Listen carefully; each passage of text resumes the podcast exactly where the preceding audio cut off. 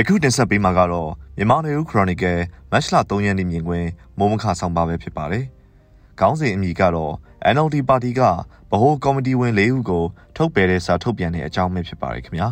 ။ NLD ပါတီရဲ့ဗဟိုအလုပ်ကော်မတီကဗဟိုအလုပ်အမှုဆောင်ကော်မတီဝင်တဦးနဲ့ဗဟိုကော်မတီဝင်၃ဦးကိုပါတီရဲ့တာဝန်ယာဒူးတာမကပါတီဝင်အဖြစ်ကပါထုတ်ပယ်လိုက်တဲ့စာကိုမတ်လ3ရက်နေ့နေ့စွဲနဲ့ထုတ်ပြန်လိုက်ပါတယ်။ ဗဟိုအလုပ်အမှုဆောင်ကော်မတီဝင် CEC ဦးဖြိုးမင်းသိန်းနဲ့တခြားဗဟိုကော်မတီဝင် CC ဒေါ်စနာမင်းဦးတိုးလွင်ဦးဝင်းမြင့်အောင်တို့ကိုဗဟိုအလုပ်ကော်မတီကထုတ်ပယ်စာထုတ်ပြန်လိုက်တာဖြစ်ပါတယ်။ရွှေကုန်းတိုင်းပါတီရုံးချုပ်ရဲ့လိပ်စာနဲ့ထုတ်ပြန်ချက်ကိုထုတ်ပြန်ခဲ့တာဖြစ်တော့လဲဗဟိုအလုပ်ကော်မတီဝင်တွေအများစုသို့မဟုတ်အားလုံးကနိုင်ငံပြင်ပမှာရှိနေကြတာဖြစ်ပါတယ်။ထုတ်ပြန်ချက်အရ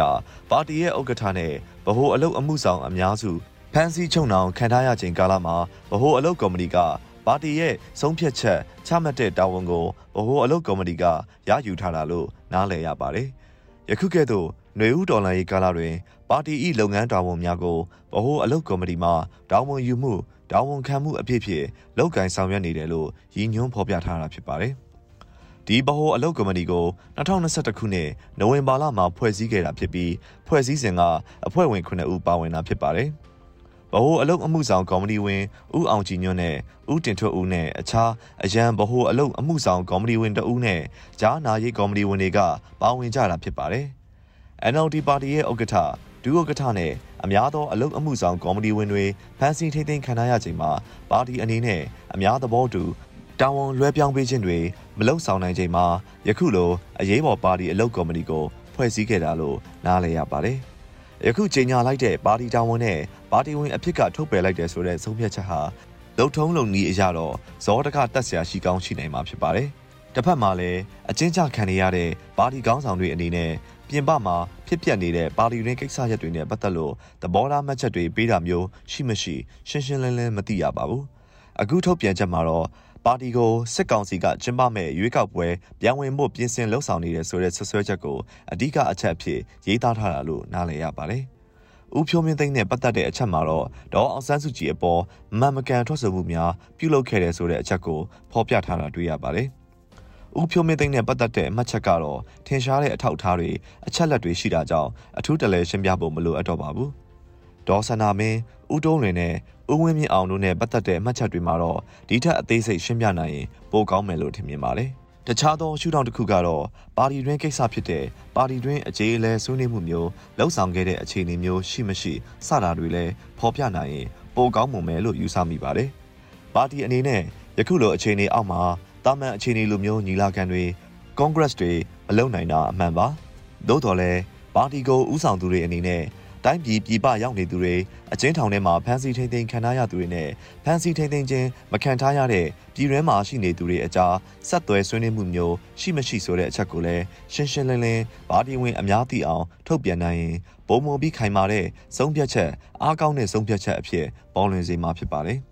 1990ခုနှစ်ကနေ2011ခုနှစ်အကြား NLD ပါတီခေါင်းဆောင်တွေဖမ်းဆီးထိန်းသိမ်းခံထားရချိန်ရင်ဆိုင်ဖြတ်တန်းခဲ့ရတဲ့အခြေအနေနဲ့ယခု2021ခုနှစ်စစ်အာဏာသိမ်းပြီးနောက်ရင်ဆိုင်ဖြတ်တန်းရတဲ့အနေအထားကမတူညီတဲ့နောက်ခံတွေရှိနေတာတွေ့ရပါတယ်။ ပထမစစ်အစိုးရခေတ်မှာ NLD ပါတီရဲ့ခေါင်းဆောင်တွေကဒေါ်အောင်ဆန်းစုကြည်နဲ့အချို့ကိုဖမ်းဆီးလိုက်ပြန်လွှတ်လိုက်လှုပ်ဆောင်နေခဲ့ချိန်2003ခုနှစ်ဒီဘဲရင်အရေးခင်းဖြစ်ပြီးနောက်2011ခုနှစ်အထိတောက်လျှောက်ဖမ်းဆီးထိန်းသိမ်းခံရချိန်တွေမှာဥအောင်ရွှေဥချစ်ခိုင်ဥလွင်တို့ကပါတီကိုတရားဝင်ရည်တည်ခွင့်ရဖို့ဒါဝန်ယူဆောင်ရွက်ခဲ့ကြရတာဖြစ်ပြီးအချို့သောကိစ္စရပ်တွေမှာပါတီရဲ့အောက်ခြေပါတီဝင်တွေကိုစန့်ကျင်ပြီးဆုံးဖြတ်ခဲ့တဲ့တာရကတွေလည်းရှိခဲ့တာဖြစ်ပါတယ်။ အခုဒုတိယအကြိမ်စစ်အာဏာသိမ်းတဲ့ခေတ်မှာတော့ပါတီကောင်းဆောင်ပိုင်းအနေနဲ့ဒီအခြေအနေမျိုးကြုံလာရင်ပါတီကိုဘလို့ဆက်လက်တာဝန်ယူဥဆောင်လုပ်ကင်ကြမလဲဆိုတာကြိုတင်ပြင်ဆင်နိုင်တဲ့အထောက်အထားမတွေ့ရပဲအများစုသောပါတီတာဝန်ရှိသူတွေဖမ်းဆီးထိန်းသိမ်းခံလိုက်ရတဲ့နောက်ပြည်ပကိုထွက်ပြေးတိမ်းရှောင်နေသူအချို့ကဥဆောင်မှုတာဝန်ကိုယူလိုက်ရတဲ့သဘောဖြစ်ပြီးပါတီတဲကဖမ်းဆီးခြင်းမခံရတဲ့အချို့သောလူနည်းစုတွေအနေနဲ့ ပါတီတရားဝင်ဆက်လက်ရည်တည်ရေးကိုလှုံ့ဆော်မှုရည်ရွယ်တဲ့ခြေလှမ်းတချို့လည်းရှိနေတာတွေ့ရမှာဖြစ်ပါတယ်။ပါတီတွေရဲ့ဗန်နာရေးဆိုင်ရာအချက်လက်တွေစစ်ဆေးမယ်လို့ပြောဆိုစဉ်ကပြည်တွင်းကဖမ်းဆီးခြင်းမခံရတဲ့ပါတီကောင်းဆောင်ချို့ကလက်ရှိအနေအထားမှာစစ်ဆေးမခံနိုင်တဲ့အကြောင်းစစ်ကောင်စီအစိုးရလက်အောက်ကပြည်ထောင်စုရွေးကောက်ထံစာပေးပို့တဲ့အဖြစ်အပျက်တွေရှိခဲ့တယ်လို့သိရပြီးအဲ့ဒီကာလကတည်းက NLD ပါတီရဲ့အစိတ်အပိုင်းတချို့က